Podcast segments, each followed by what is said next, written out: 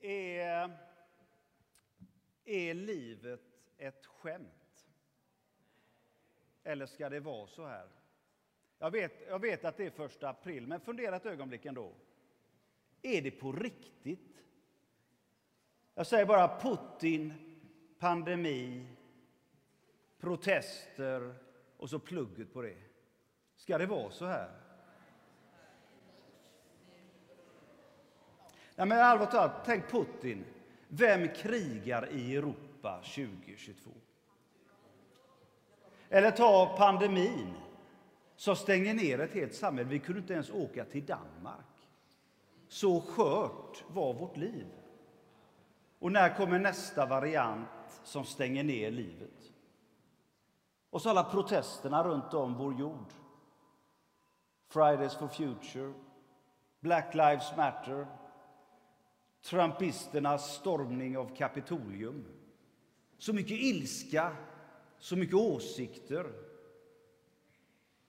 Finns det något rätt i allting? Och så plugget på det. Med alla kraven och med oron över vad det ska bli i framtiden. Vad ska det bli av mig? Är det detta som är livet? Eller är alltihop ett skämt? Vad ska man egentligen tro? Ni vet den frågan. Vad ska man tro? Den frågan det är typisk för människan. Människan är den enda arten på hela den här planeten som ställer den typen av frågor. Du ser till exempel sällan två hundar som är inbegripna med ett djupare filosofiskt samtal med varandra. De lever bara sina liv. Men människan är unik i att ställa frågorna och det är det som gör oss så fantastiska. Men det är också det som gör oss så sköra. För vi kan gå sönder mitt bland våra frågor. Det är till exempel sällan man ser djur som är deprimerade eller behöver terapeuthjälp. Det är vi människor som håller igång psykologerna. Människan är ensam om att ställa livets frågor. Man kan till och med säga så här, att människan är skapad för att ställa livets frågor. Har du tänkt på att din hjärna är det enda lilla vrå, eller människans hjärna, inte bara din, utan människans hjärna, det är det enda stället i hela stora universum som vi vet att kolatomerna funderar över sitt eget ursprung. Var kommer jag ifrån? Ni vet evolutionen, de där miljarderna åren av utveckling i evolutionen så finns det några språng som mänskligheten har tagit, eller som livet har tagit, som ingen forskare ännu har kunnat förklara hur de kom sig. Det första språnget det är en gång i tidernas begynnelse när ingenting plötsligt blev någonting. Det andra språnget det är när detta någonting plötsligt får liv. Det tredje språnget det är när det där livet utvecklar ett medvetande. Och så det fjärde språnget. När medvetandet plötsligt börjar ställa frågor till sig själv och till livet. Ingen forskare har ännu kunnat förklara något av de där sprången. När inget blir något, när något får liv. Livet utvecklar ett medvetande och medvetandet börjar ställa frågor. Och så är du och jag här idag. Efter miljarder år av evolution så träffas vi här ikväll med våra frågor. Är det detta som är livet? Eller är allting ett skämt? Vad ska jag göra av min oro? Bland Putin, pandemier, protester och så plugget på det. Finns det någon som söker mig? Eller är det ett skämt? Jag tror, jag tror att livets, svaret på livets fråga är både och. Jag tror att livet är både och. Jag har levt så länge nu att jag har förstått att livet är fruktansvärt. Att livet är mörkt. Att livet är livsfarligt. Men inte bara. För livet är också helt underbart. En fantastisk gåva fyllt av lust, mening, ljus, glädje, vänskap. Världen är både underbar och en förfärlig plats.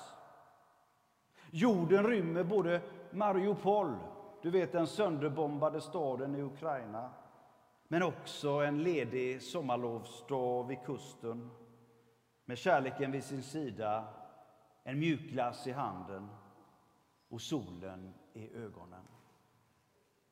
Livet är både och. Och när vi blir lite äldre, ungefär så som du är nu, 15, 16, 17 sådär, då börjar vi kunna se det. Vi börjar kunna hålla båda bilderna i huvudet samtidigt. Idag hörde jag om en 16-årig tjej. Hon sa, jag orkar inte detta längre. Jag har levt i 16 år och hela mitt liv har jorden hållit på att gå under. Först var det terrorism, och så blev det Trump, och sen så blev det pandemi, och så blev det Putin. Jag orkar inte att livet ska, och jorden ska gå under längre. Och så klimatet på det, och så gick hon väl i plugget också gissar jag. Jag måste kunna leva också. Inte för att jag inte bryr mig, men jag måste också få leva. I 16 år har jorden hållit på att gå under. Nu måste jag leva.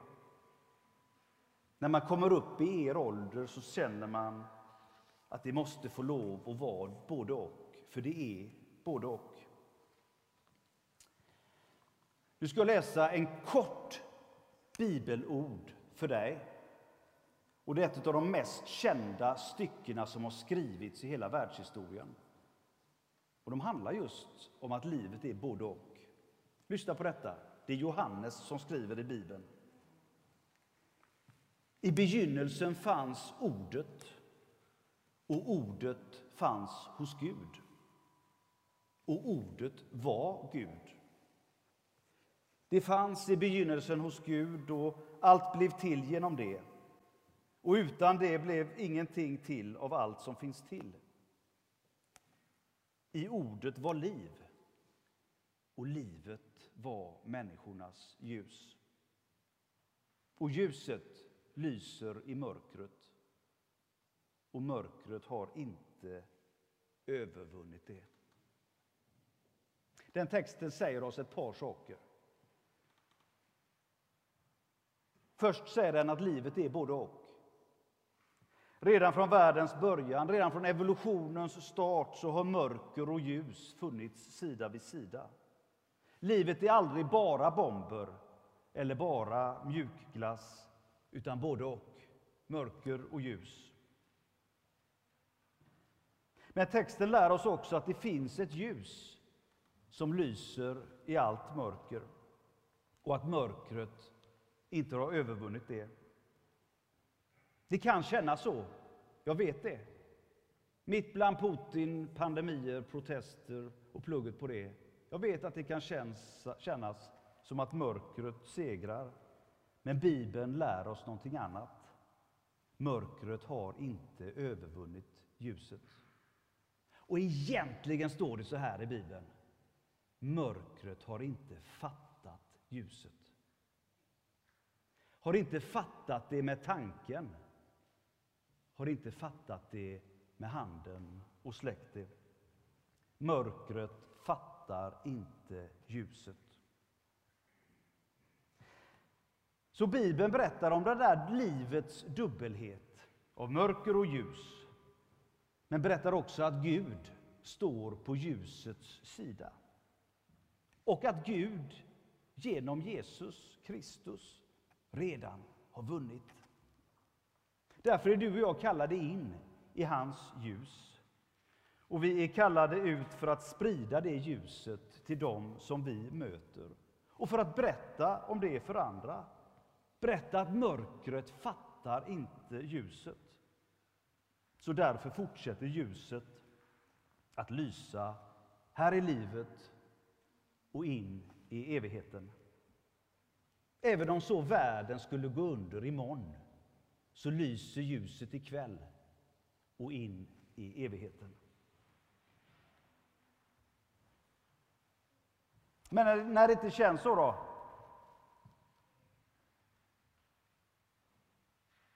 När det inte känns så då? När frågorna lika fullt är fler än svaren? Vart går jag då med min oro? Vart går jag då med mina frågor? Här är du och jag ikväll. Efter miljarder år av evolution. Och jag tror att vi har kommit alldeles rätt. För kyrkan, det är frågornas hus. Kyrkan är frågornas hus. Och i kyrkan så talar vi om någonting som heter konfirmation. Jag tror att du har hört det ordet. Kanske vet du att det är latin. Och möjligen kommer du ihåg att det betyder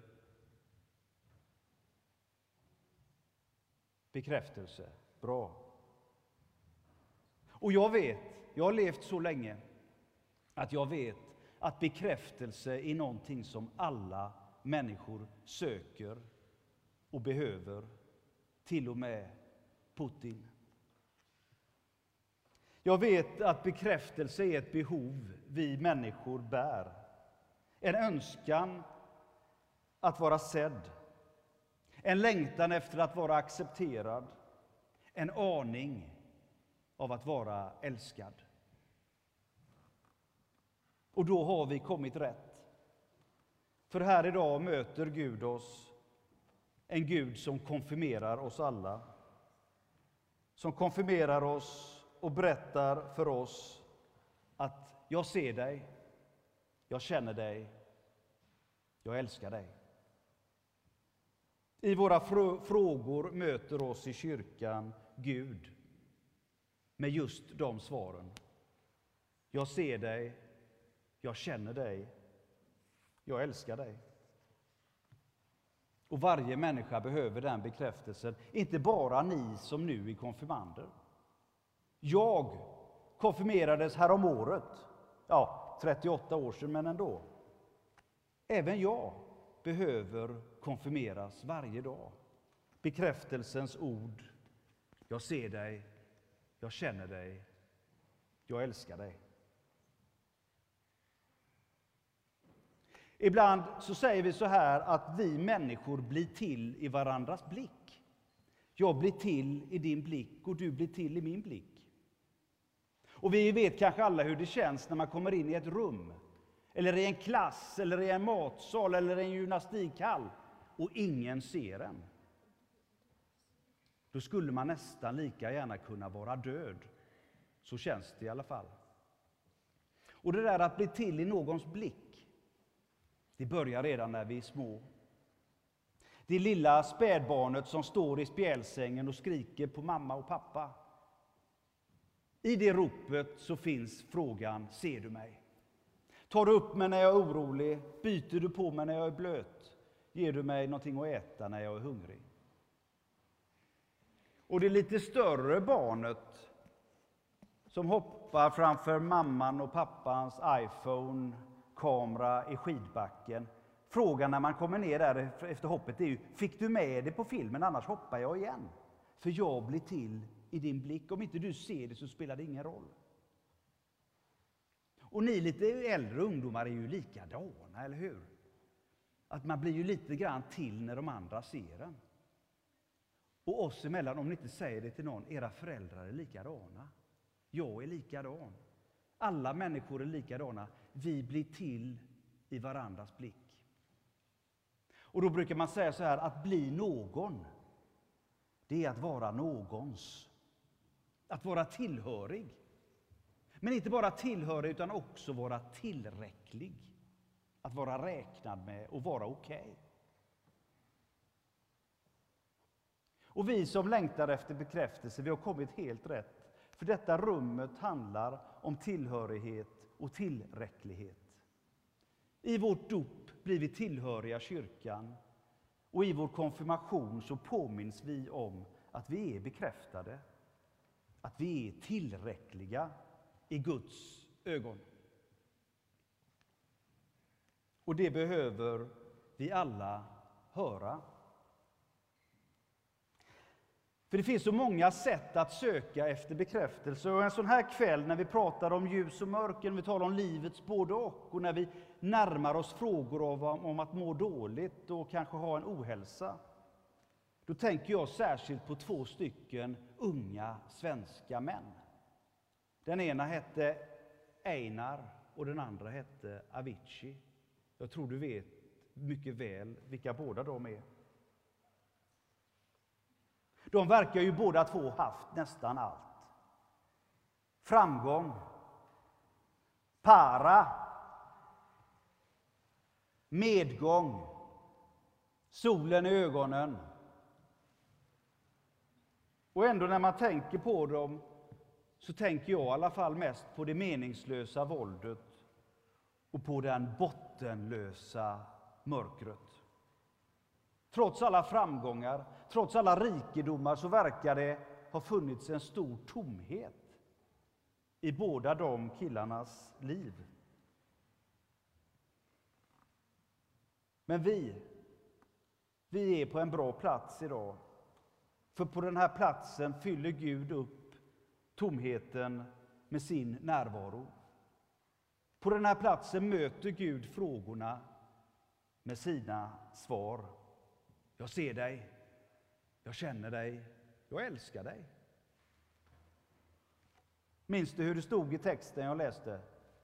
Ljuset lyser i mörkret och mörkret har inte fattat ljuset. Det är kyrkans budskap ikväll och i alla tider. Också i tider av Putin, pandemier, protester och så plugget på det. Men det är också kyrkans budskap till alla människor. Till alla Einar och Aviciis, men också till sådana vanliga som dig och mig. Vi som kämpar med den tomhet som är vår. Budskapet är samma. Ljuset lyser i mörkret och mörkret kan inte fatta ljuset. Varje kyrkorum, eller åtminstone de flesta, de är byggda mot ljuset. Om du går in i en kyrka så är de i 99 fall av 100 riktade mot öster. Nej, inte mot Putin, utan mot den nya dagen. Mot soluppgången, mot gryningen, mot han som kommer med ljuset. Han som är ljuset, han som kallas för morgonstjärnan. Jesus Kristus. Han kallar oss in i sitt ljus för att sprida hans ljus ut i världen. Och det är ett ljus för dig och mig att följa, också när det är mörkt på vår väg. Och ikväll kommer det ljuset till oss i bröd och vin, som kropp och blod. Du och jag, vi kanske inte fattar allt. Frågorna finns kvar och vi fattar inte allt i livet eller allting av det här med kristen tro, vad det nu är. Vi kanske har massa frågor kvar i vårt både och-liv av skämt och allvar, bekymmer och glädjeämnen, mörker och ljus. Vi fattar kanske inte, men ljuset kan fatta oss. Förstå oss, men också ta oss in i sina händer. Och med våra händer kan vi sträcka ut och ta emot det ljuset som kommer till oss som kropp och blod för dig och mig, utgivna och utgjutna ta emot den nya dagen. Den nya dagen som lyser i allt mörker. Amen.